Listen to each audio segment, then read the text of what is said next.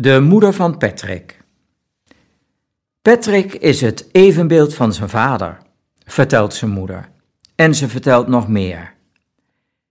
Patrick was veel wilder in de buik dan zijn broer Danny.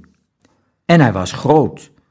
Eerst kreeg je die enorme buik en daarachter zag je mij dan ergens. Ik praatte hardop tegen hem. Als die even niet bewoog, werd ik bang en sprak hem aan. Wakker worden, wakker worden.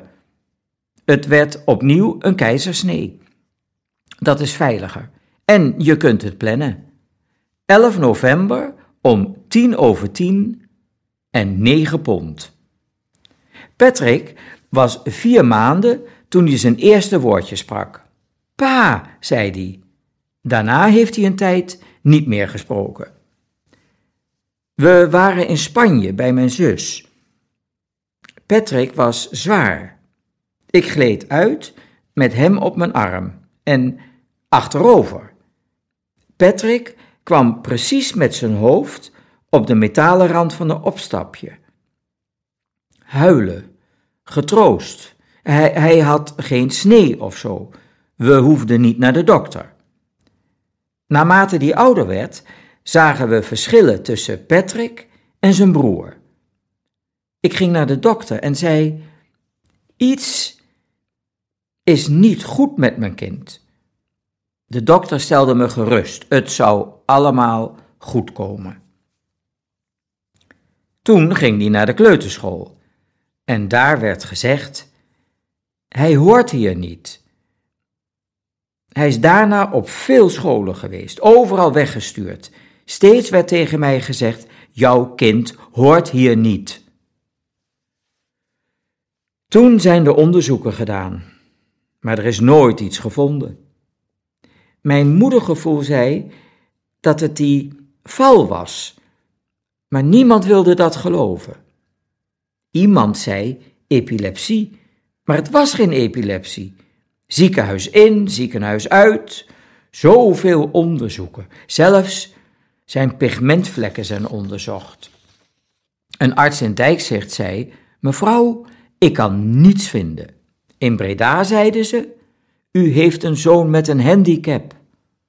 Ja, zover was ik ook. Maar wat voor handicap? Dat weten we niet. Terug naar de neuroloog. Weer meer medicijnen gekregen.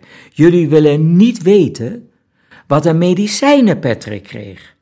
Tabletten tegen hallucinaties, tegen epilepsie, in enorme doses. Hij werd een kastplantje.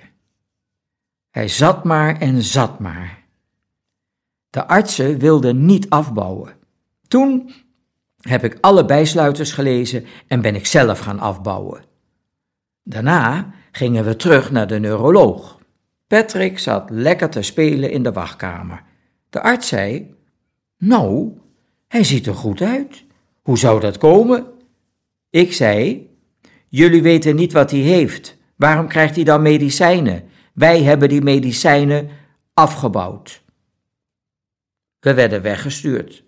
Ik mocht nooit meer terugkomen daar. Maar ik had wel mijn kind terug. En mijn petje is zoals die is. Waardoor het ook komt, ik heb hem leren accepteren. Op 1 januari 2003 overleed zijn vader.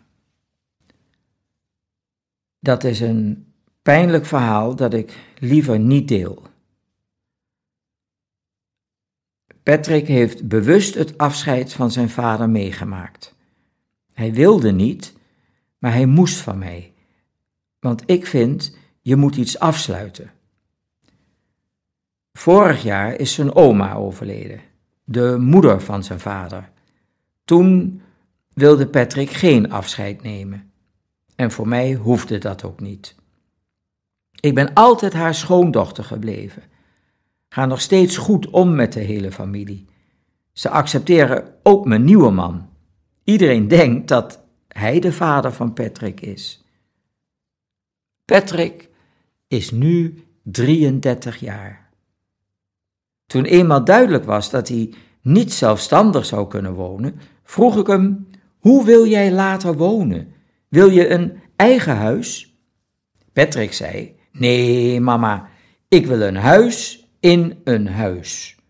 En nu, nu woont hij precies zoals hij het toen zei: Een huis in een huis waar ook andere mensen wonen. Als ik vraag, Patrick, ben jij blij met je leven? Dan zal hij zeggen, ja ma, ik ben blij. Behalve soms als mijn hoofd te vol is. Mijn andere kinderen zeggen, Patrick geniet meer van het leven dan wij. Hij doet meer met zijn leven. Patrick doet de vierdaagse. Patrick doet de marathon. Patrick schildert. Patrick maakt theater. Hij maakt van alles. Schilderijen. En hij verkoopt ze ook nog. Wij zijn allemaal super trots op hem.